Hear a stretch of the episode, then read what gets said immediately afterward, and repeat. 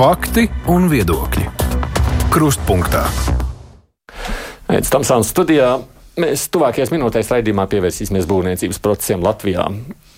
Nav jau tā, ka pie mums tā ļoti blīvi notiek liela valsts objektu būvniecība. Mēs lielākoties arī runājam šeit raidījumā par katru no tiem projektiem atsevišķi, tad, kad kaut kas konkrēti top. Bet nu, darām to ne tikai priecājoties par rezultātu, jo ļoti daudz projekts arī pavada lielu skandālu. Atceramies, pēc gais, gaismas pilsētas būvniecības tur tiesāšanās turpinājās daudzus gadus. Tad uh, nu, jaunā Rīgas teātris atjaunošana laikam izvērtās ļoti garā sāgā, bet tas, kas tagad notiek Rīgas Stradiņas slimnīcā pēdējā laikā, ir gandrīz vai tāda nu, krimināla romāna vērts. Līguma laušana, policijas klātbūtne, krimināla process. Tad, tad ir laikam vēl vislielie notikumi ir priekšā. Un tas viss liek jautāt, kas notiek Latvijā ar būvniecību. Kāpēc ir tā?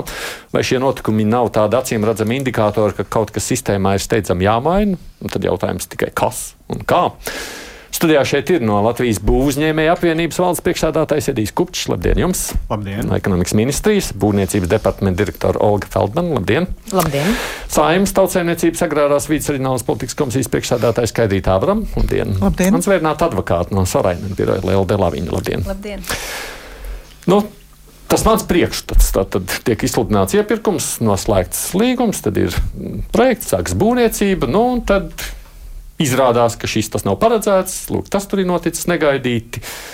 Un tā vien liekas, ka beigās Latvijā jau visi zina, ka sākumā paredzētie tie termiņi, laiki.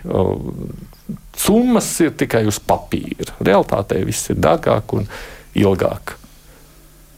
Nu, pierādiet man pretī, ka tā nav kupčkungs. Labs, labs jautājums. un, un, un kā lai pierāda? Dažreiz, kad tā, ja skatās uz to kopējo notikumu gaitu, kas ir jau pēdējos gados veidojusies, nu, es viņu varētu raksturot tā, ka kopumā sistēmā nu, ir kaut kas ieķēries. Nu, tā varētu raksturot. Un, un, un tas, tas ieķērums to šodien, kad ir meklējams visos posmos, jo viņu, vi, viņš veidojās no Tad vairākām. ir daudz, kas ieķēries jau. Es, es domāju, ka jā, nav viennozīmīgi vienā vietā. Mēs, protams, esam daudz ko darījuši pēdējos gados nozare, ministrijas, valsts pārstāvi, nevalstiskās organizācijas mēģinot to visu risināt, bet, bet tā viennozīmīgi es tādu pilnīgu, piemēram, kopējā procesa auditu būvniecību es neesmu tā viennozīmīgi vēl redzējis. Domāju, ka tas būtu viens no darbiņiem, kas būtu labi, labi darāms. Lai saprastu, jo ja visu uzliktu uz, uz viena liela saka, lap, lap, lapas to procesu, visticamākais varētu diezgan daudz apmaldīties. Un, un, un iespējams tajā lielajā procesā parādās kaut kādas kļūdas. Bet, ja mēs domājam par to, vai, vai sadārdzinājumi ir, ir no, nu, loģisks notikumu gaita, tad visticamākais, ka tas sadārdzinājums ir loģisks saka, turpinājums tam, kas notiek ekonomikā. Noteikti viss, kas notikās ar, ar, ar, ar Krievijas iebrukumu Ukrajinā, Covid un daudz citi resursu nepieejamība, dārdzība, tas viss jau burtiski kopš, kopš 19. un 20. gada iet uz augšu, un, un, un, un, un tagad tikai pazīmes parādās, ka pieejamība ir, ir mm sakārtojusies, cenas sāk izlīdzvaroties, bet nav tā, ka viennozīmīgi visiem, visām pozīcijām būtu cenas nokritušās. Bet, ja mēs skatāmies droši vien no tāda viena skatu punkta, nu, man tā liekas, tās izmaksas uh, un tie sadārdzinājumi veidojās tieši nu, no tāda nepareiza uh, procesa pārvaldības, projektu vadības un no kopējā procesa menedžmenta. Es tā viņu raksturotu. Jūs sacījat, ka tā procesa tieši ja visa tā projekta sadārdzināšanās ir viens no sāpīgākajiem jautājumiem? No, no jūsu skatu punktu skatoties. Es, es, es vairāk teiktu tā, ka tas sāpīgākais jautājums ir pats sākums ir, kad pasūtītājiem rodas doma, ka viņam vajadzētu realizēt projektu. Tad ir jautājums, ir, cik labs darbs ir izdarīts tieši šajā sākuma fāzē, kurā izmaksas, lai uh, samazinātu tālākā fāzē visas izmaksas, laika patēriņus, tālāk, cik labi ir izdarīts. Proti, un tajā brīdī, kad pieņemsim būvnieks, nu kāds tad, tad no būvniekiem piedalās konkursā un vinnē, viņš uzreiz saka, jā, droši vien, ka būs draņķīgs projekts un nezinu, kas tur sanāks. Jā? Ļoti iespējams, ka viņš apskatoties to projektu, var pamanīt, ka ir kļūdas, vai nu arī viņas parādās kaut kad vēlāk, arī būvējot. Es redzu, ka ekonomikas ministrijas pārstāv nu, dīdās. Nē, Saka, nē, nav lāga.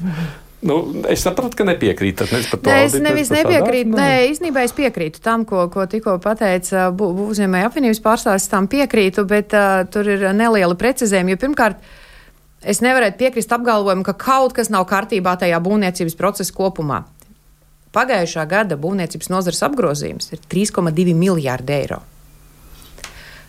Mēs zinām vienu problēmu, Velvi. Gada laikā, jeb šo vēlve stradiņu slimnīca, viens līgums, kur ir izveidojies li ļoti liels strīds. Vai šīs viens strīds pasaka, ka mums ir kopumā problēma visā nozarē? Diez vai. Nu, nav tā, ka es būtu, nu, es, es, protams, nerunāju par visu Latvijas būvniecību, bet uh, Jā. man te nāk prātā neviens viens projekts. Ne tikai, uh, nu. Bet ilgākā laika periodā, un, un patiesībā nu, tas ir, nē, tas ir viens, protams, tas viens projekts arī noteikti signalizē par problēmām, bet tikai jāsaprot, kur tās īstās problēmas slēpjas, lai mēs atkal nu, neaizējam nepareizā ceļā.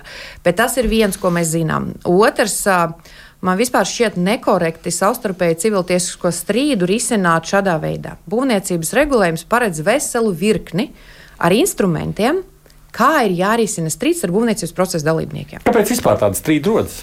Uh, bet tas ir normāli. Strīdi rodas, uh, un, un strīds ir. Uh, Nu, būvniecība nav tik vienkārši, kā es aizēju, izvēlos mēteli, nopērku viņu, es viņu pielaikoju, es paskatos, man der, man ir ērti, man ir forši, es viņu nopērku. Ziniet, ja es gribētu būvēt māju, uzreiz paredzot, ka man būs tiesāšanās ar būvnieku. Nē, tiesāšanās nē. Vot tas ir tas stāsts, ka jautājums, un ir, es neteicu, ka strīda risināšana ir tiesāšanās. Vot šīs arī ir nepareizi. Mēs neizmantojam normatīvajā regulējumā paredzētās pirms strīda risināšanas iespējas. Mēs uzreiz aizējām publiski stāstīt, bet īstenībā uh, strīds nav, uh, strīds rodas tad, kad abas puses nevar vienoties. Un, uh, un būvniecība atšķirībā no pārējiem procesiem ir milzīga nozīme pusēm, spējai pusēm vienoties. Jo pirmkārt, būvniecība ir daudz, daudz posmi, kur katrā posmā ir uh, savs saturs. Un otrkārt, mēs uh, mēs pasūtām kaut ko, ko mēs esam paši vizualizējuši, ko mēs esam izdomājuši, bet tas kaut kas top procesā.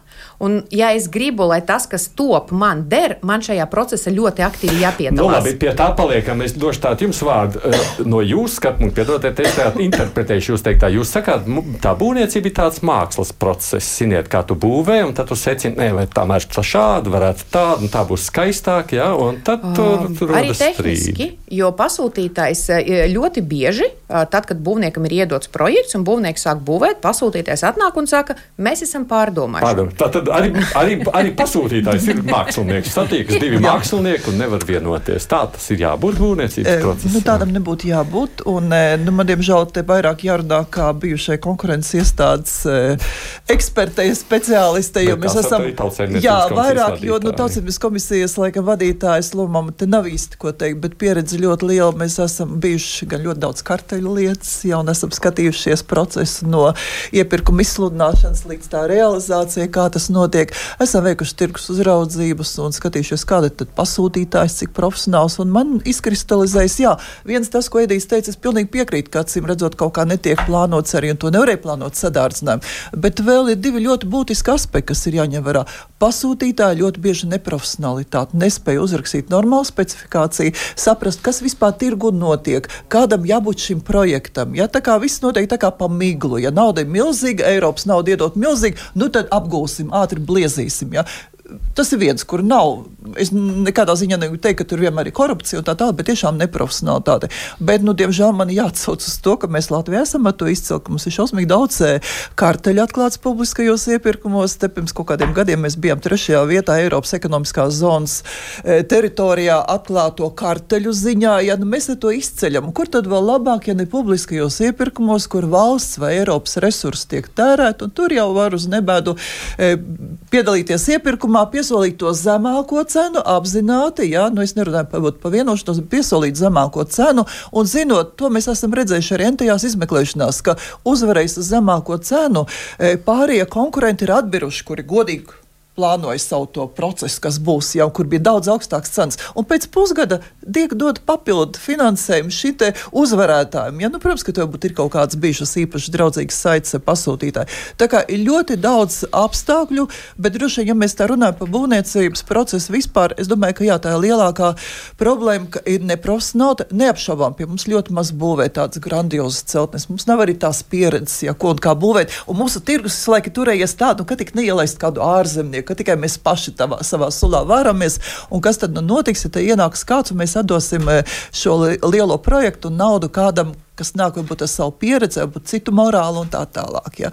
Tā kā es domāju, ļoti liela, jā, kaut vai piemērs, mēs esam pirms kaut kādiem pieciem, sešiem gadiem konkurences padomē bija tā tirgus uzraudzība par um, ceļu būvniecību. Ja, nu, ļoti daudz arī neglaimojušās ziņas arī bija ceļu būvniecības e, e, pasūtītājiem, iepirkuma organizētājiem, arī no Latvijas e, ceļu asociācijas, ja pat slikti izstrādātajiem projektiem, vecām kaut kādām topogrāfiskām kartēm, kur pretendentiem pašiem jāveic tas, kas būtu jāsagatavo jau pasūtījuma organizētājiem. Ja? Tā kā ļoti daudz kas tiek arī pārlikts tālāk uz eh, šo eh, izpildītāju pleciem, kas viņam nebūtu jāuzņemas. Tā kā tur ir mhm. ļoti daudz, ļoti daudz gan e, pretiesiskie, gan e, tīri subjektīvie, nezināšanas, neprofesionāls faktors, un tas beigās arī rada to, ka mēs pie lielajiem e, būvniecības projektiem vienkārši visi darbi uzkaras, izmaksas ir nesamērīgas, un vispār nesaprotam, vai mēs nonāksim līdz rezultātam. Laviņas kundze, tā kā mēs jūs aicinājām šeit uz studiju, tad tas, ja iemesls, kāpēc gribējās, lai kāds no juristiem vai no advokātiem šeit ir, tad jūs palūkojaties uz to tādu nu, juridisku skatu punktu uz visu to procesu. Jo man šķiet, ka te varbūt pat labi sākumā veidojas tā saruna. Būvniecība ir kas? Tas ir mākslas darbs, kurā visu laiku mainās pasūtītājiem domas, mainās darbiniekam domas, mainās. Nu, un tad, kad mainās, nu, tad visu laiku pieslīpējies klāt, un ja nevar sas, saslīpēties, tad strīdas. Vai būvniecība tomēr ir process, kuru var iepriekš atrunāt līgumā un tad pie tā cieši turēties? um, paldies! Aid. Nu, protams, ka būvniecība ir abi divi no, Abi no saimnieciskā viedokļa mm -hmm. raugoties, visticamāk, pat mākslas darbs, bet nevienmēr. Piemēram, tādām klasiskām būvēm kā slimnīca vai kāda iestāde, nu, tie noteikti nav mākslas darbs. Viņiem droši vien vairāk jābūt funkcionāliem un racionāliem nekā lai privāti vai nu, bibliotekas, protams. Jaunais Rīgas teātris, protams, viņiem ir uh, arhitektonisko vērtību. No, nu, varbūt tādā ziņā ir lielāka. Jā, darbs, protams, jā, jā, bet uh, visādi citādi tas ir ļoti prognozējams īpaši tāpēc, ka Latvijā normatīvi akti īstenībā paredz astoņu acu principu, bet uh, tas ir obligātais acu, acu princips visā procesā. Tad, kad pasūtītājs ir noformulējis savas vēlmes, tad ir projektētājs, uh, tad ir. Uh, uh, Būveksperts, kas visu ekspertē, tad ir būvnieks, būvdarbu vadītājs un vēl ir pavisam būvuzraugs. Astoņu acu profesionāla princips. Un, ja pie tādiem apstākļiem, kad pasūtītājs nodefinēs prasības, ja pie tādiem apstākļiem, nemainot pasūtītāja prasības, rodas atkl tiek atklāts būtisks kļūdas projektā tikai būvniecības stadijā un vēl pašos būvdarbos kļūdas, nu tad, manuprāt, ir. Uh, nekorekti vainot pasūtītāju. Jā, pasūtītājiem ir ļoti jāpilda savs mājas darbs pie prasībām un visu vajadzību identificēšanas, un mēs strādājam arī ar vairākiem lieliem um, privātā sektora pasūtītājiem, kā Linsto grupa un Rimī. Es esmu bijis procesā no paša sākuma un redzējis, cik tas ir kolosāli, ka tiek uzaicināti visi atbildīgie iekšējie cilvēki, kuriem būs teikšana par to, kā man tur strādās loģistika, kā man tur strādās veidināšana. Mēs piesaucam ārvalstu speciālistus, kas ir pieredzējuši pamatos, un, un jumtos, un augstumos un siltumos, ka tu pasūtītājs pats sagatavošanās stadijā jau identificē, kur ir problemātiskās lietas. Un nevar būt, ka Latvijā visi inženieri, es pat esmu matemātikas un fizikas un inženierijas fans, uh, un man izcilākie skolotāji bijuši. Es neticu, ka mūsu cilvēki to nespēja. Mēs esam atzīti par kvalitatīvu, eksaktu izglītību. Es domāju, ka tur ir kaut kas cits, vai nu laika trūkums, mēs nepareizi plānojam laiku, vai paviršība. Uh, vienkārši nav motivācijas, varbūt tīšām, jo sliktāks ir projekts, jo vieglāk pēc tam izcelt papildus naudu. Es vienkārši no malas neredzu. Vai tajos privātajos, nu, jo, jo, nu, mēs te pieminējāt, jo mums taču ir būvniecības projekti. Ja? Es tāpat pieminētā vēl, tepat stacijas laukumā būvēju vienu lielu projektu. Nu, Tur kaut kā notiek citādi. Nu. Es gribētu teikt, ka ir atšķirības starp publisko pasūtītāju un privāto pasūtītāju. To mēs arī esam pētījuši, un es esmu ļoti daudz runājis arī ar tiem, kas tieši vada būvniecības projektus. Kā man stāstīja, privātais pasūtītājs viņam katrs eiro cents ir svarīgs. Viņš aizbrauks un izmērīs, vai tā siena ir precīzi tik bieza, cik ir jābūt, vai materiāls ir ielikts precīzi tik, cik ir jābūt. Viņš seko līdzi privātais seko līdz no sākuma līdz beigām. Tur nevar būt tāda situācija, kā publiskais. Ah, izrādās, tur tā siena uztaisīta divreiz plānāka, tur tas asfalts ir sagāzts un neviens nezina, cik ir vajadzīgs. Tur ir ļoti liela atšķirība privātie resursi, kā tiek tērēti, un publiski. Un to es esmu redzējis tiešām ļoti, e, nu, kā jau teicu, mēs, esam, mēs neesam rūpīgi, gādīgi saimnieki pret publiskiem resursiem. Ja mums liekas, ka tas tā kā mums nokrīt no Eiropas vai kaut kur, un mēs tur tik apgūstam, un tad mēs tur varam kaut kādas tādas, nu, tādas lietas atļauties arī pievērt acis. Tā, manuprāt, ir liela problēma. Jūs kā būvnieki arī jūtat, ka tā atšķirība starp interesi, nu, vismaz izrādīto interesi ir starp privāto un valsts pašvaldību. Vien, ka ļoti atšķirīgs ir. Kas, kā, kurš tas tieši pasūtītājs ir? Privātajā sektorā, protams, ir vienmēr tas, ka viņi, viņiem rūp no, no sākuma līdz beigām. Tāpēc mēs tādus ļoti nu, lielus publiskus konfliktus neredzam, jo viņi tiek atrisināti. Mm -hmm. Tur ir. Es varu atgriezties pie tā paša, paša svarīgākās liekas, pozīcijas. Ir pats pasākums, kad radās ideja. Un tas ir brīdis, kad visvairāk privātajā sektorā noteikti ieguldās. Mm -hmm. Publiskajā sektorā jā, tas projekts iespējams kā ideja kaut kur stāv. Tad viņš gaida savu kaut kādu brīdi, jo plānošana ir vāja. Es viņu mhm. raksturotu tā. Mēs gaidām, ka būs fondi vai kāda cita veida finanšu resursi, lai varētu izkustināt. Tas pats nezinu, pašvaldība jautājums tagad, vai viņiem būs pietiekoši naudas līdzekļi, lai varētu kaut ko darīt. Un tad, kad nonāk tas brīdis, kad uh, ir starta šāviens, tad tas projekts ir bijis nostājis tajā plauktā, pieņemsim, divus vai trīs gadus. Kurš viņam veids tajā brīdī, kad viņš ir jāsāk likt iekšā publiskajā iepirkumā, veids vēlreiz pilnīgu pārskatīšanu, izcenojumus, projektēšanas fāzes, visas, visas detaļas. Privātajā sektorā pilnīgi noteikti tas būs izdarīts. Viņi bez tā nevar. Jautājums ir publiskajā sektorā vai iziet cauri.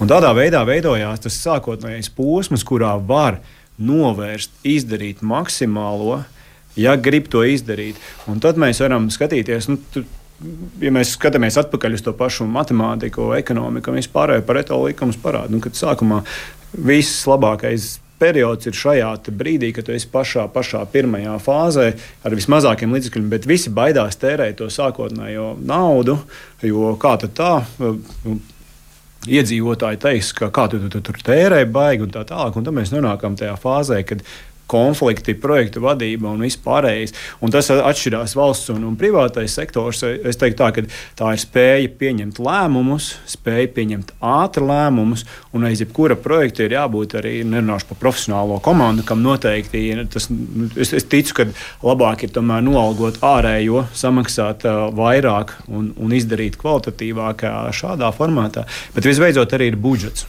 Par budžetu vēl parunāsim, bet šajā pirmajā fāzē nu, jūs kā ministrijas vai arī saimnes, tomēr par pārstāvu lēmēju institūciju pārstāvi redzat, ko var darīt, lai, nu, lai šo procesu darītu kvalitatīvāku?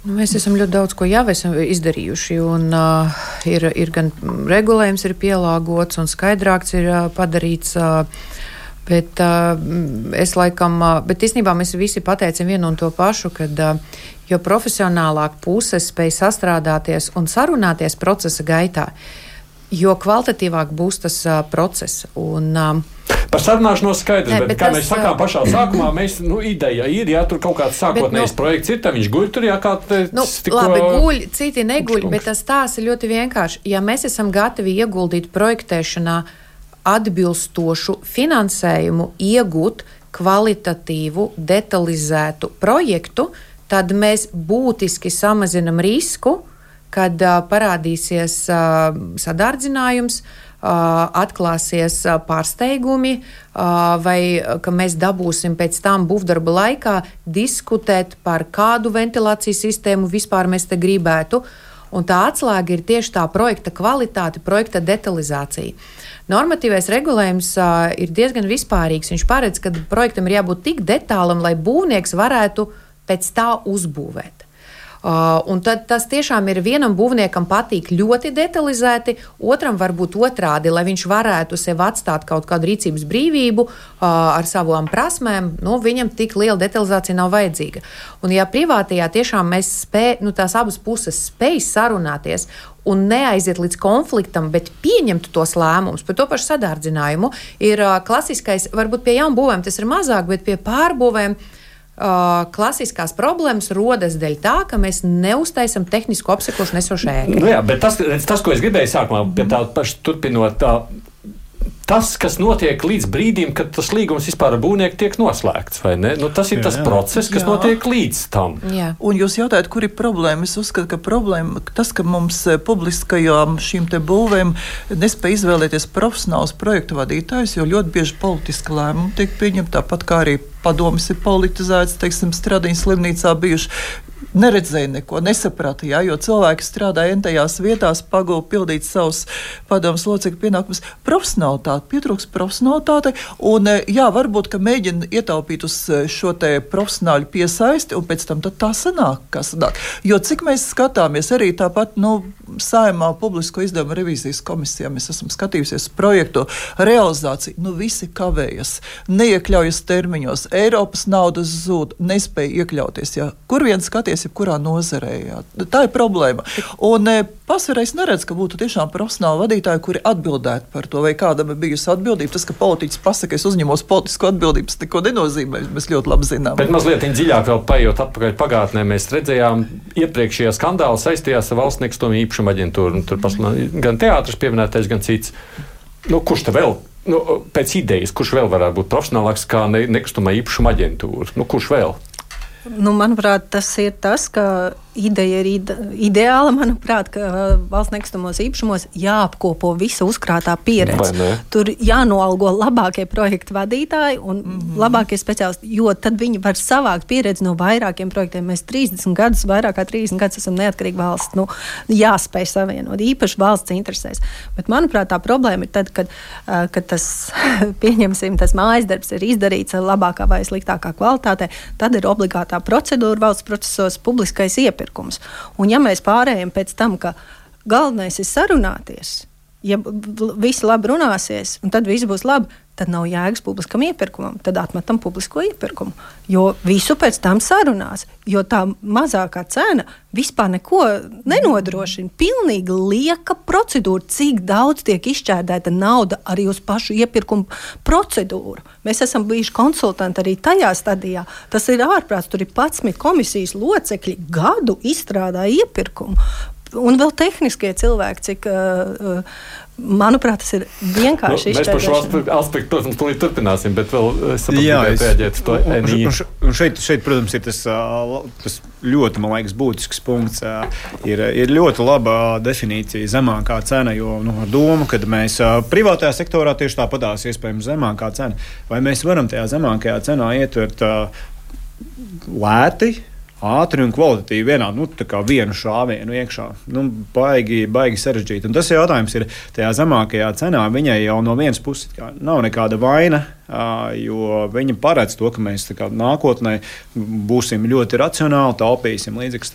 Bet, diemžēl, es varu nu, gadā teikt, ka diemžēl viņa nefunkcionē. Jā, bet ko tas nozīmē? Tajā brīdī, kad jūs kā būvnieks sakāt, nu, ok, esmu piekritis, ka es par šiem septiņiem vai astoņiem miljoniem, nu vienalga, ka es uzbūvēšu. Nu, jūs sakāt, un jūs paliekat parakstu. Es iekļaušos šajā cenā. Tad jūs esat sacījuši, nu, tad es varu to. Bet es drīkst precizēt, nu, tas ir ļoti nav tik viennozīmīgi. Jo pirmkārt, projektam nāk ekonomiskā daļa, kur uh, ir uzskaitīti visi apjomi, kas tajā projektā ir veicami. Un būvdarbu veicējs solot šo ciparu, 8 miljoni vai 10, viņš pamatojās ar projektā norādītiem apjomiem. Ja dabā izrādīsies vairāk, vai ir uh, problēmas bijušas uh, nu, nu, jā, faktiski darbu apjomos, tad mēs nevaram pateikt, ka uh, tu esi nosolījis nu, astoņas. Tas nozīmē, mēs atgriežamies pie tās pirmās daļas, ka vispār nemāk, neviens nemāk pateikt, ne, ko viņam uzbūvēt. Ne, ne, nemāk, ta, tas arī, nu, nu, nu, tas nu, ir kā, kas tad tas ir? Tāpēc uh, ir, ir ļoti būvniecība vispār ir šausmīgi sarežģīta. Un es vēlreiz gribu uzsvērt, ja mums no 3,2 miljārdiem, uh, ko mēs šobrīd esam sasnieguši, mums ir uh, publiski viens strīds tiek risināts, patiesībā mēs to strīdu varam ļoti vienkārši atrisināt. Mēs varam uztaisīt būves ekspertīzi, un kura parādīs ļoti precīzi, kur ir bijusi problēma, kāpēc ir bijusi problēma un kurš par to nu, ir nu, atbildīgs. Nu, uztaisīsiet taču jācer. Nu, es ceru, ka uztaisīs, jo šobrīd mēs izvēlamies taktiku stāstīt, ka tur ir kļūdas, bet neviens nav izmantojis normatīvajā regulējumā paredzēto procesu strīdus gadījumā par būv, būvdarbu kvalitāti un atbilstību projektam. Mēs taisam ekspertīzi. Nē, būs tiesas process, tad gribi vai negribi. Nē, bet tās ir pirms tiesas process, un tās jau ir tas solis, ka mēs negribam iet par katru cenu tiesā un pirmkārt noslogot tiesu, jo tiesnesis arī nav eksperts. Tiesnesis nevar pateikt, vai tā kolona iespējams ir uh, uzbūvēta atbilstoši projektam vai nē, vai ir ievērot pareizi tehnoloģiju vai nē.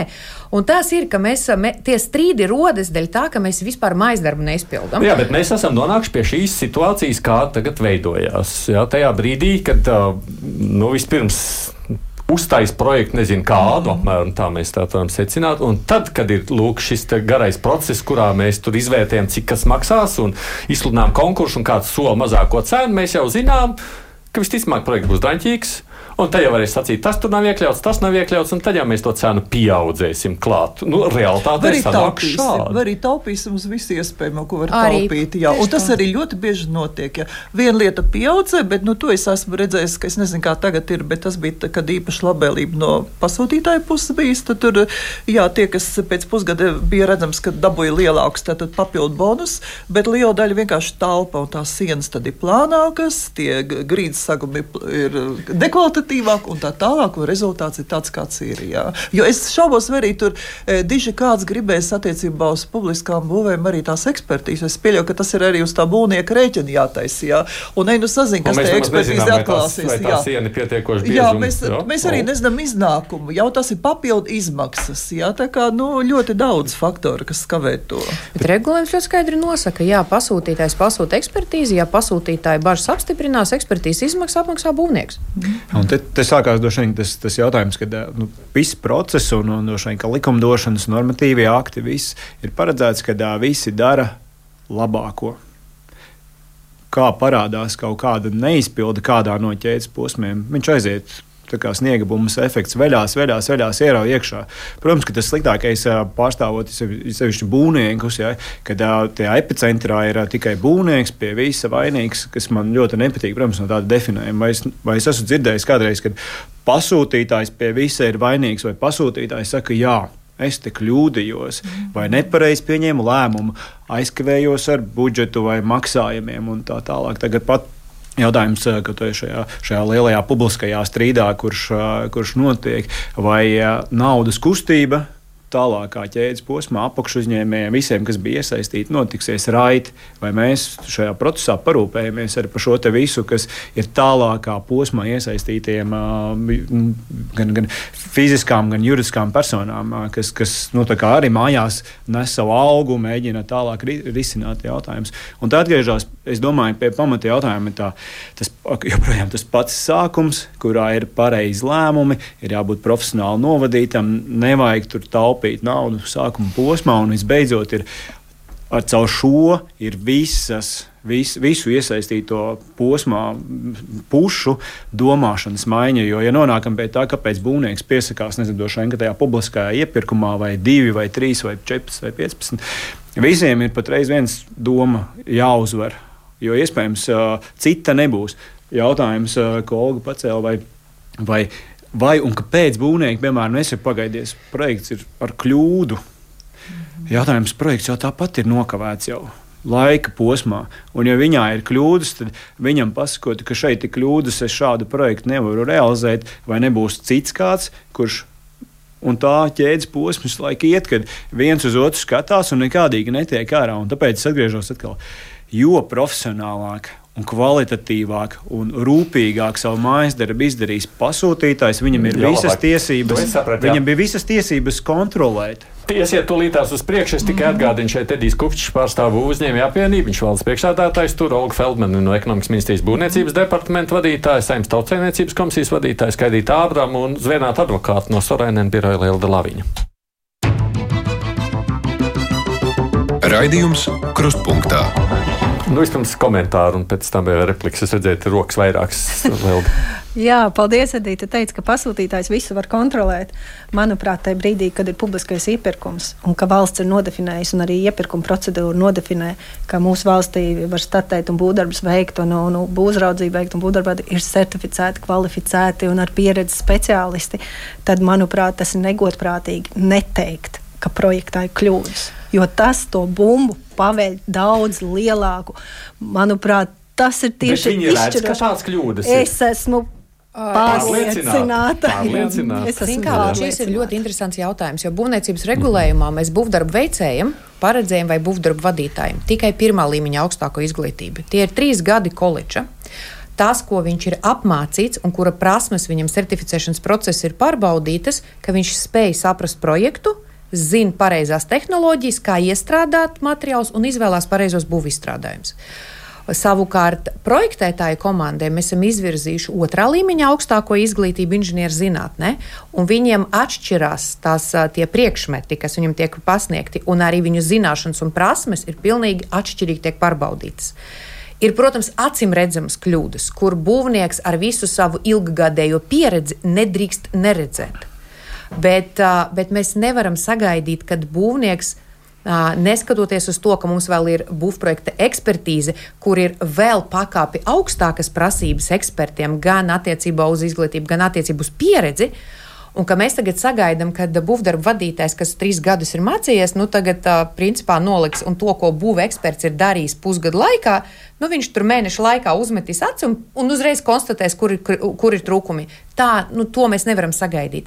Tās, ko mēs ielikām likumā un ko mēs sagaidām, Ja būvnieks paņem projektu un saprot, ka tā detalizācija ir tāda, ka viņš reāli nespēj novērtēt, uh, kas viņam ir jābūvē, un cik tas varētu maksāt, tad šobrīd būvniecības likumā mēs skaidri esam pateikuši, vai nu dari to zināmu pasūtītājiem pirms līguma slēgšanas, vai nu tālāk tu uzņemies visu finansiālo uh, atbildību.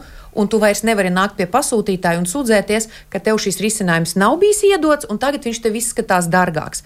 To gan mēs esam pateikuši. Līdz ar to atbildi ir divējāda. Ja uh, būvniekam ir ļoti detalizēts projekts, bet nepareizi aprēķinātas slodzes, kā rezultātā viņš to projektu noiztenojot, kolona nav taisna, tad mēs viņam nevaram to pārmest. Viņš fiziski, viņam pat iespējams nav zināšanas un prasmes, lai to izdarītu. Taču, ja viņš ir paņēmis projektu, kur viņš vispār neredz tai kolonai detalizāciju un pats kaut ko uzmūrēja pēc savas izpratnes, tad viņš uzņēmās attiecīgi visas atbild, visu atbildību, un, un arī tā skaitā finanšu atbildību, profesionālu atbildību. Tā kā tas, jā, tas nav tik vienkārši jautājums. Mēs nesagaidām, ka būvnieks visu var, bet mēs tomēr sagaidām, un mēs negribam tieši ar tiem grozījumiem, izslēdzam šo ļaunprātību, jo vispārīgāks ir projekts, jo vieglāk pēc tam būs izspiest papildus naudu. Nu, tad nē, tad šo, šo praksi mēs gan gribam izbeigt, uh, un, bet, lai bet, tā nebūtu. Bet, bet kā? Ja, tas jau pamat jautājums ir, kad ja tu skaties projektu, kurš ir kaut kur marinēts, pēkšņi viņš ir parādījies, ļoti ātrā tempā ir jāiesniedz kaut kādi piedāvājumi, un, un, un dzīvo tas mīts. Pēc tam jau sarunāsim. Mm. Galvenais paņemam un apgūstam šo projektu, šo naudu, šo procesu. Gan jau pēc tam būs kārtībā. Pat šo mītu mēs tagad ar grozījumiem esam kliedējuši. Jāizslēdz. Un tā izslēgšana nozīmē, grozījums stājušies spēkā? Jā. Kad? Uh, 21. vai 2. gadā. Man, es precīzi nepateikšu, kāds ir rezultāts. Cik teiksim, tagad būvnieki jau par to runā, ka ir kaut kas projektā bijis vai jau ir piem, no, kaut kāda esat, Es nezinu, mēs neesam pētījuši. Nē, pēc uzraudzību vēl, vēl neesam veikuši, bet uh, vēl ir arī tipveida līguma noteikumi, kas ir uh, no principā ir spēkā attiecību uz iepirkumiem, kas ir izsludināti ar 23. gada 1. janvāri, kur ir obligāts līguma tiesiskais regulējums jau no valsts puses tiek ielikts pušu savstarpējā līgumā. Ja, bet nu, joprojām, nu, kā tikt ārā, jo sanāk, visu laiku, kad mēs runājam par to, ka procesā vajadzētu būt kārtībā, būvniekam vajadzētu godīgi pateikt, re, kur ir kļūdas, nevis gaidīt un tā tālāk. Bet atgriežas atkal jautājums, ja tā ir zemākā cena, tad uh, kāds spiež meklēt kaut kādus risinājumus. Nevis godīgi pasakot, ka šis maksās nevis 100 miljonus, bet 110 miljonus. Bet tajā brīdī, jau, kad jūs sniedzat, pieņemsim, viens no pretendentiem savu pieteikumu, nu, jūs jau nezināt, tā ir zemākā cena vai nē. Jūs nākat ar savu, kurā jūs sakāt, ka jūs redzat, ka jūs ar šādu summu varat to uzbūvēt. Arī bet vai, pasūtīt, bet vai pasūtītāji zina, ka pat tādu patiešām var uzbūvēt? bet, bet vai, vai, vai, vai jūs neesat tie, kuriem jāsaka? Te ir, ja tu neesi pārliecināts par pro procesu, tad iedod tādu summu, kas ietver visus tavus finanšu riskus kā būvniekam. Ja atklāsies problēmas, tad tas ir uz būvnieka pleciem. Un šīs ir vistrakākais, ja mēs gan jau pēc tam vienosimies. Tas tiešām ir tas, tā prakse, kas bija izveidojusies pirms karteļa vēl lietas. Galvenais vinēt pēc tam sarunāsim. Un, un, un tas, ko mēs mēģinām jā, nostiprināt likumā, ka nē, jums ir jāvienojās par normāliem operacionāliem jautājumiem, jums ir jāizvēlās, varbūt, nezinu, tajā brīdī nav pieejams šāds materiāls, bet mēs jums varam piedāvāt līdzvērtīgu tādu, tad par to mēs vienojamies, saskaņojam, bet mēs vairs no jā, nevaram pateikt, nu, īstenībā ir divreiz vairāk. Nu, bet es domāju, mēs korekti. nonākam atkal pie tā, par ko mēs visu laiku runājam, profesionāls pasūtītājs, profesionāli tātad tajā pasūtītāja pusē. Un Un tagad tas būvnieks atnāk un viņam sāk stāstīt, tur ir kļūdas, tur ir kļūdas, tur ir kļūdas. Vai tas pasūtītājs vispār spēja noreaģēt? Ja? Mm. Jo viņš pēkšņi tur divu nedēļu laikā bija ātri, ātri jāsagatavo citādi Eiropas nauda, netiks apgūta un tā tālāk. Mēs... Un ko tad tagad viņi tur dara? Un mēs... tāpēc es domāju, jums noteikti vajag pasīties, kā šis jaunais regulējums, esam... vai tas vispār ir efektīvs, vai tas risina problēmas tirgu. Mēs esam tikko izgrozījuši arī būvniecības likumu, ieviešot vai nostiprinot faktiski inženieru konsultantu institūtu, kas ir pasūtījums pasūtītāja labā roka un pasūtītāja acis un smadzenes tajā procesā no idejas līdz nodošanai eksploatācijā. Būvniecības likumā ir inženieru konsultantu institūts vai inženieru institūts, kas balstās uz uh, starptautiskās būvniecības inženieru vai inženieru konsultantu federācijas tipveida līgumiem vai FIDIK līgumiem, kurus mēs visu laiku pieminam. Mēs jau neesam arī pārgājuši joprojām. Tas ir liels jautājums. Jo tā ir milzīga problēma. Jā, tieši tā, jo mums, kā saka, arī kaut vai tāpat bija tā tirgus uzraudzība pa ceļu būvniecību, viņi teica, mums ir tik šausmīgi sadrumstalots tās prasības regulējumi, un tas kavē arī tā fidits ieviešana, jā, lai būtu kaut kāda tiešām zināma standarta. Un arī tas ir tas, kas apgrūtina to būvniecības procesu. Man ir vēl viens jautājums tajā visā sadaļā. Ja mēs paskatāmies ārzemju praksi, un jūs taču noteikti analizējat to vai ne? Cik daudz šis projekts, kopā ar būvniecības pēc tam īstenotā iet roku rokā. Jo mēs redzam, arī kaut kādā, nu, es varbūt tikai televizorā skatoties, skatos, nu, ka tas projektētājs ir no A līdz nodošanas beigām klāt. Un būvnieks patiesībā arī jau no paša sākuma saprot, kas tur tiek projektēts un zina, ko viņš būvēs. Mums ir tā, ka mums projekts atsevišķi, būvnieks atsevišķi. Mm -hmm. Nu, ir jau variants projektē un būvē Jā. kopā. Kāpēc neizvēlās to? Un kāpēc? Vajadzētu. Proti, tas jautājums, vai vispār šī Latvijas prakse mm, ir jēdzīga. Jā, tas ir tas jautājums, vai tiešām vajag būt arī šim procesam tik ļoti sadrumstalotam. Un es domāju, ka tas būtu tiešām kaut kādā veidā kompleksi darām, zinot, cik daudz mums ir problēma ar tiem būvniecības dažādiem šedevriem, kas netop līdz gala pabeigts. Tātad ir kaut kāda projektēšanas, būvniecības tās ir nošķirts, un katra it kā dzīvo savu dzīvi, un kaut kur viņi nespēja vienoties. Kāpēc tā ir, vai, vai mēs kaut ko esam domājuši vai darījuši? Lai... Dārzemēs ir vienādi. Nu, nav, nav tā, ka dārzemēs ir tikai uh, projektēt un būvēt kopā. Ir divi modeļi, kas patiesībā katrs modelis ir izvēlams atbilstoši konkrētās ieceres rakstura, raksturojumam un īpašībām. Protams, Vienkāršākos, piemēram, siltināšanas projektos, projektēt, iepirkt būvniecību un būvēt nav īpaši vajadzīgs. atbilstoši un vajadzīgs. Jo risinājumi ir standarta, un tad attiecīgi būvnieks uh, var uzņemties tā skaitā. Uh, saistības izstrādāt projektu. Jauno, jaunās būvniecības gadījumā ir ļoti sarežģīti, jo mēs nofiksējam cenu un tad notiek projektēšana. Un tad projektētājiem pirmkārt ir jāizstrādā ārkārtīgi kvalificēts, kompetents kompetentas prasības, lai pēc tam nav pārsteigumi un ļoti jāiesaistās procesā. Uh, pie pārbūvēm, tā kā jā, tie abi modeļi ir. Paliekam pie tā jaunā skatoties, jā. bet jā, ja tas notiktu, pieņemsim kopā daļu no tām lietām, par ko mēs runājām, tas neatrisinātu. No Protams, atrisinātu. Tas nozīmē. Bet parādītos citas problēmas. bet, atgad, viso, visos, visos variantos vai nu tu projektē, iepērc un būvē atsevišķi visu, vai nu tu dari to kopā, projektē un būvē joprojām. Man liekas, svarīgākais gan no likuma, gan no juridiskā, gan no nu, jeb, jebkāda skatu punkta ir saprast atbildības, kādas kuram ir un, kas ir jāizdara kurai pusē. Tas ir numur viens, numur divi, kad uh, tas, kurš pieņem lēmumus, Viņam ir jābūt gatavam pieņemt lēmumus, laicīgi sasaukt to komandu, kas privātajā sektorā notiek. Ja viņiem ir kaut kāda problēma vai jārisina, viņi sasauc pieņem lēmumu, un tam pretīm ir atvēlēts budžets, kas ir neparedzētiem izdevumiem, ja tādi parādās. Ja. Šis ir jautājums. Mēs varam izvēlēties visus veidus, pat pa, publisku, privātu partnerību. Ja arī ņemt to, to formātu. Bet, Mans uh, mīļākais kopš Čekavas apceļas. Jā, viņā, viņā arī ir savi plusi un mīnusi, bet uh, ir, ir jebkurš formāts izmantojams. Tikai vēlreiz atgriežos pie tā, ka ir jāsaprot viņa. Es vienkārši skatos, kas notiek ar tiem lielajiem projektiem, kas Latvijā ir bijuši valsts lielie objekti, kuros mēs esam iekrituši. Varbūt mēs paskatāmies uz to, kā mums iet ar šo, un tad mēs sakām, nu tad valsts to dara kopā. Nu, mēs projektējam un būvējam kopā. Es uh, domāju, Aid, uh, tas ir saimniecisks lēmums, vai projektēt, būvēt kopā.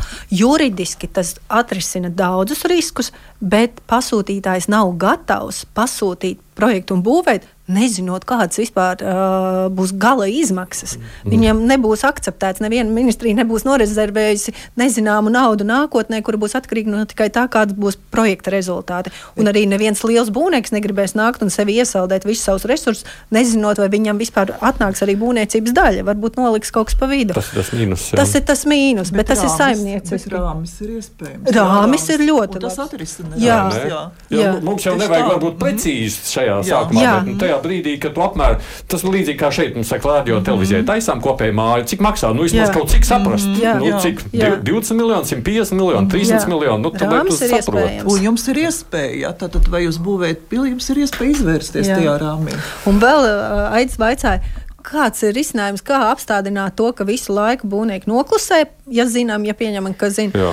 Uh, manuprāt, ja viņi nebūtu droši, ja būtu lielāks risks, ka pasūtītājs saka, o, labi, tu tagad atklāji, tā tad mm -hmm. man ir mhm. papildus laiks vajadzīgs, papildus nauda. Kāpēc man ar tevi to turpināt? Tad es taisu uz atlikušo daļu jaunu iepirkumu. Mm -hmm. Ja tā būtu uh, kaut vai saruna procedūra vai kas, ja tas būvnieks zinātu, ka iespējams viss tas, ko viņš noklusēja, uh, viņ, nepienāksies viņam, bet kādam citam no jauna atvērsies durvis. Uh, tad varbūt nebūs tas, un tas mainīsies. Tā, Viņi būs ieinteresēti no uzreiz, publiskā iepirkuma ietvaros. Viens būvnieks teiks, es atklāju šito, es atklāju šito, mm -hmm. es atklāju šito. Pasūtītājs visus sasauc, saka, man ir jauna informācija, atklājušās šādas projektu kļūdas. Bet, bet, bet lai, lai tas tā būtu, kas tad būtu jādara esošajā sistēmā? Nu, mēs laužam līgumu laužam un tā taisam jauno iepirkumu, bet kas no būvniecības procesa loģikas tas ir tiešām tas ir, nu, tas, tas ir neloģisks jautājums, jo mainot uh, būvniekus vai darbu veicējus pa vidu, tev uzreiz tiek apdraudēta. Nu, tev ir riski no, nu, rodas ar garantijām, tev ir ļoti jānofiksē, līdz kuram tad to aizgāja. Jānofiksē iepriekšējie būvnieki, kas pieļauj, ka neviens pasūtītājs tas, labprāt arī negrib to vienkārši darīt. Tā, bet, uh, bet, bet, bet tas, kad. Uh, es nezinu, manuprāt, tas risinājums nu, ir, ka tam būvniekam būs jāuzņemās tas finanšu sloks, ja viņš ir noklusējis kaut kādu problēmu un tas varētu darboties efektīvāk, jo ar līguma laušanu mēs vienmēr esam uzsvēruši, ka šīs ir gala risinājums, jo objekts ir jāiekonservē. Mēs rīkojam jauno iepirkumu. Nu, labi, mums pēdējie gadi ir bijuši, nu, nav bijuši stabili, bet inflācija bija milzīga, un tad mēs arī redzējām, tie, kas izbeidza līgumu un nevienojās par sadārdzinājumu, faktiski beigās samaksāja dārgāk. Tagad par to pieminēto inflāciju, lai šis aspekts mazliet parādās, jo mēs par to naudu runājām. Nu, te ir tie divi lielie nu, nezinu, iemesli, kas tiek minēti publiskajā telpā - Covid un karš tādā Ukrainā. No juridiskā viedokļa šis ir pamats, lai sacītu, lūk, te mums bija līgums, bet, piedodiet, karš iesākās, līguma summa vairs nav derīga.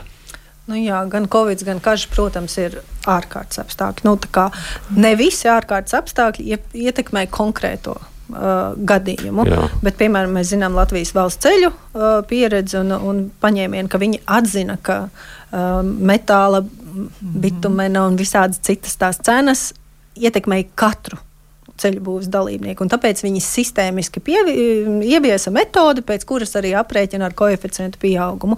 Visiem vienādi, jo tas ir nozares um, efekts. Uh, tā kā tu, to nevar nolikt. Man liekas, tas ir pliks finanšu Jā. un tehnikas jautājums. Bet vai šis ir jautājums no valsts, nu, kas kaut kādā mērā ir pasūtītāja maksa, un tā, tā, tā ir mhm. valsts pašvaldība nauda?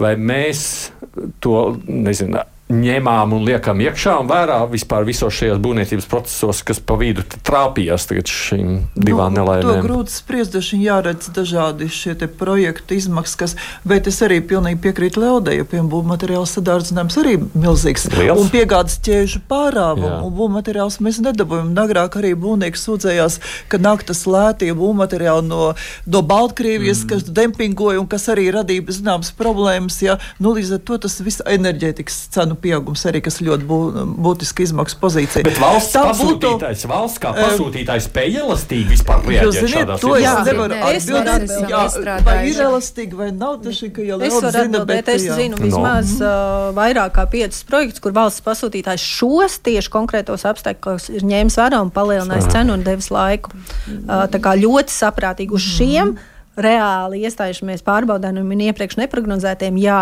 bet uz to, tiem, kur pastāv mm -hmm. liels risks, ka vienkārši novēloja paziņošanu, protams, tur ir. Tur ir apvainojis, tur ir sakarīgi. Es saprotu, kāpēc neiet sarunas uz priekšu. Jo tajā brīdī kāds jūtas netaisnīgi pievilcis. Jo, ja būtu pateikts ātrāk, nebūtu tik liela problēma. Nu, mēs jau ja pieminētais audits tiks veikts, tad viņa slimnīcā cerams varētu arī uzzināt, jo tur jau arī ir ekspertīze, jā, jo tur jau arī publiski skan no nu, rūka karš vai ne, piegājuši ķēdes. Par to jau tika piešķirts, es saprotu, mm. finansējums. Tas vairs nav aktuāli. Jā, sadardzinājums mm. patiesībā tas, kas bija saistīts tieši ar Krievijas agresiju Ukrainā, mēs esam izstrādājuši gan bija divi informatīvie ziņojumi, gan arī metodoloģiju sadardzējumu kompensēšanai. Tas ir viss, un tas process norisinājās diezgan loģiski. Mm. Otrs, tas politiskais lēmums, kas ir pieņemts, kad jā, mēs visos publiskos būvdarbu līgumos ietveram indeksācijas noteikumus. Lai mums tieši nav jādomā par to, cik daudz, pēc kādas formulas tajā brīdī, kad notikums ir iestājies, mēs jau iepriekš zinām spēles noteikumus, un mēs to risku iepriekš sadalām. Cik daudz to sadardzējumu vai normālu inflāciju uzņēmās būvdarbu veicējs, un kas ir tās ārkārtas gadījums, kad pasūtītājs sāk pārskatīt vai indeksēt līguma cenu. Tas jau normatīvā regulējumā ir ietverts. Jā, precīzi. Mm. Bet es gribu uzslavēt Olgu un tev pateikt lielu paldies, ka tu teici, ka um, tomēr, ja ir apsolīts ar līgumu, tad būvniekam būtu jāuzņemas tās finanšu sekas jo tas saskan arī ar tūkstošiem gadu pastāvošo paktas un servanda latīniski, ka līgumi ir jāpilda. Uh, un, un tas, ka pasūtītāji ir uh, vēsturiski bijuši daudz pretimnākoši tieši to Eiropas Savienības fonda naudas uh, ierobežotās laikā pieejamības dēļ vai citu apstākļu dēļ, ātrāk nodot projektu, būt pirmrindniekiem un piekāpšies pat daudz. Tā ir vienkārši slikta praksa, kas būtu jāizskauž. Bet, ko es gribu vērst uzmanību, pasūtītāji uh, publiskā iepirkuma ietvaros vai nu neizjūt, vai neapzinās, ka riskus var nopirkt. Nevis būvnieks viņus pavēlti iedos. Es uzņemos kļūdas projektā, es uzņemos pazemes risku, es uzņemos uh, nejaušu gadījumu, es uh, uzņemos tik daudz riskus uz sevi. Būvniekam vajag adekvāti atspoguļot, šī riska uzņemšanās man izmaksā tik, šī tik un šī tik. Un, ja pasūtītājs grib to risku pārnest uz būvnieku, tad viņam jāsaprot, ka viņš par to maksā. Bet caur mazākās cenas principu viņš jau nav nopircis tos riskus. Tie riski ir teorētiski ielikti līgumā, un būvnieks viņus ir parakstījis un apņēmies pildīt, bet zinot, ka neviens ar viņu neizbeigs līgumu.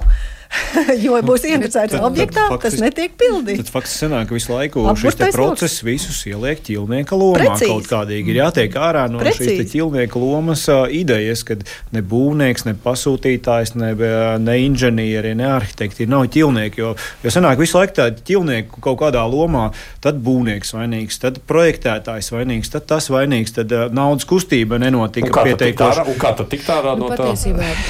Ir jābūt ļoti skaidram riska sadalījumam līguma ietvaros, tas, ko arī Lelda minēja. Ja līgums ir vienkārši, es, no, es, es par lētāko cenu paņemu būvnieku, lai viņš uzbūvē man šo, šo ēku, nu, tad skaidrs, ka tas pēc tam rezultēsies vairākos strīdos. Ja mēs uzreiz līgumā ieliekam, kurš uzņēmās kuru risku, nu tad svarīgākais ir tie spēles noteikumi. Viņiem ir jābūt skaidriem. Ja pasūtītājs ir paredzējis, piemēram, tas lielākais strīds ir, būvniekam ir jāveic detalizācija. Detalizācija nav projektēšana. Labi, to mēs tagad mēģināsim novērst, izstrādājot divus uh, standartus, attiecīgi detalizācijas standarts projektam, un uh, ko mēs noz, nu, saprotam ar to detalizāciju. Jo tas ir pārpratums uh, tā, ka. Uh, pasūtītājs pasakā, nē, nē, reku, tu esi apņēmies detalizāciju. Būvnieks saka, pagaidi, pag, bet te nav detalizācija, tu jau gribi, lai es tev uzprojektēju kaut ko. Un, un tās, ka mēs, nu jā, kad mēs līguma noteikumi varbūt būtu uzlabojami, lai tie spēles noteikumi būtu skaidri un lai būvnieks arī zinātu, kad viņam tas ir bijis jādara. Un, un arī ļoti skaidri uzņemtos par to arī atbildību.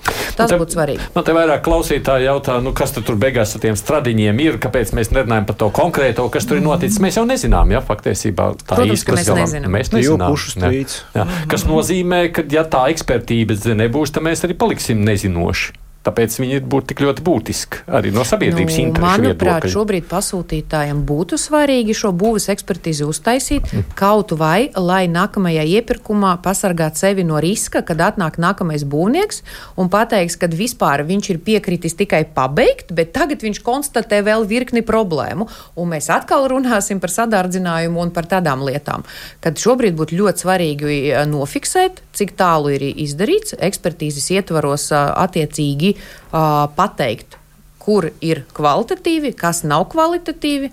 Un tad tas, kas nav kvalitatīvi, aiziet uz civiltiesisko strīdu, kvalitatīvi tad nu, nofiksējam un uh, ejam uz priekšu. Kā jums šķiet no šī gadījuma, ja mums tā, tā ekspertīze ir un mēs redzam, kas tur ir nostrādājis, tur varētu vēl kādas mācības izdarīt, lai nākotnē vēl pielabotu. Es sistēmu. domāju, ka es, es ļoti gaidu uh, divus gadījumus. Viens, kad uh, jā, ir strīda risinājums, Un otrs ir, kad kāds, kas apgalvo, ka projekts ir nekvalitatīvs, aizies pret projektētāju tiesā. Jo tas atkal mēs visu laiku metājamies ar apvainojumiem, bet līdz šim neviena prasība, vismaz mūsu pieredzē, nav celta. Būvnieks apgalvo, projekts slikts.